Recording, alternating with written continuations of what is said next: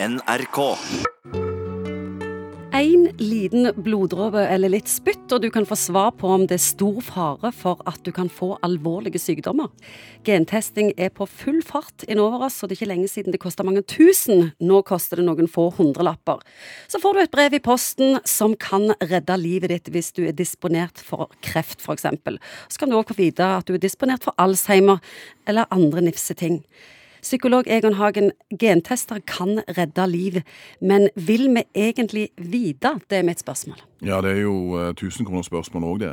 Klart at Medisinsk teknologi og framskritt gjør jo at vi kan uh, avdekke i større grad enn tidligere hva som ligger bak neste sving. Men det er noen dilemmaer knytta til det, og kanskje det vi skal adressere i dag. Ja, for du får beskjed på nettet at du kan få det, og du kan få det, og du kan få det, men du får ikke noe veiledning eller trøst eller ja, oppskrift på hvordan du skal takle dette. Nei, og du kan tenke deg også at den situasjonen at uh, om noen år så kan du kanskje få vite hva som er din dødsdato, eller omtrent hvor lenge du skal leve. og Spørsmålet er er det interessant. Hva gjør det med oss som mennesker hvis vi greier liksom å fravriste livet alle de hemmelighetene som ligger der? Eksperter mener at vi kommer til å gentaste alle nyfødte babyer innen fem til ti år. Det er noe å tenke på. Mm. Og Dilemmaet er jo at samtidig som teknologien gir disse mulighetene I Amerika er det noe som heter en industri som beiter på de falske positive. og Det betyr egentlig at eh, hvis du senker nivået for hva du definerer som sykdom, så kan du egentlig finne behandlingstrengende sykdom for ting som tidligere bare var der, som folk levde med, og som folk også, sånn sett òg døde med. Men så er det jo også sånn at du, du kan få ekstremt viktige informasjon som gjør at du eh, kan endre livsstil og forebygge og unngå en vond, vanskelig eller dødelig sykdom. Samtidig som det, kan bli en, et overfokus på mulig helserisiko, som disse finere og finere testene er i stand til å avdekke.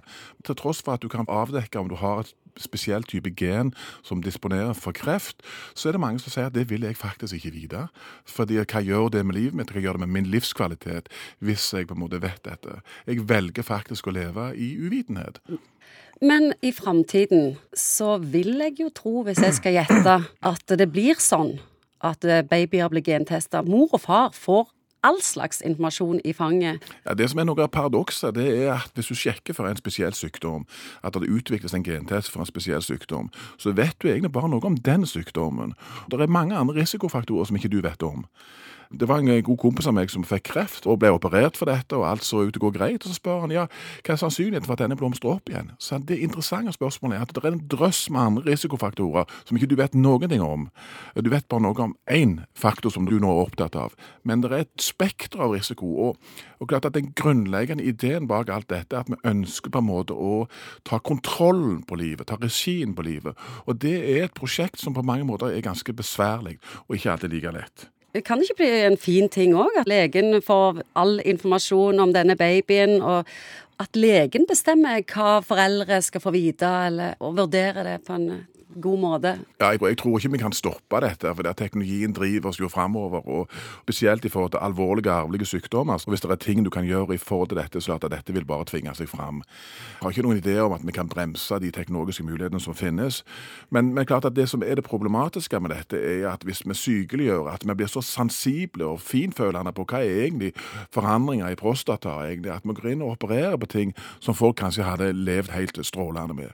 Hvis noen hører på oss nå og lurer på om de skal genteste seg. Eh, hva er ditt råd? Det tror jeg den hver må kjenne sjøl. Men hvis du vet at det er alvorlige slektsbelastninger i familien i forhold til alvorlige krefttyper, så vil nok noen ønske å teste seg. Fordi at det er kanskje ting du kan gjøre, det er ting du kan fjerne for å redusere den risikoen.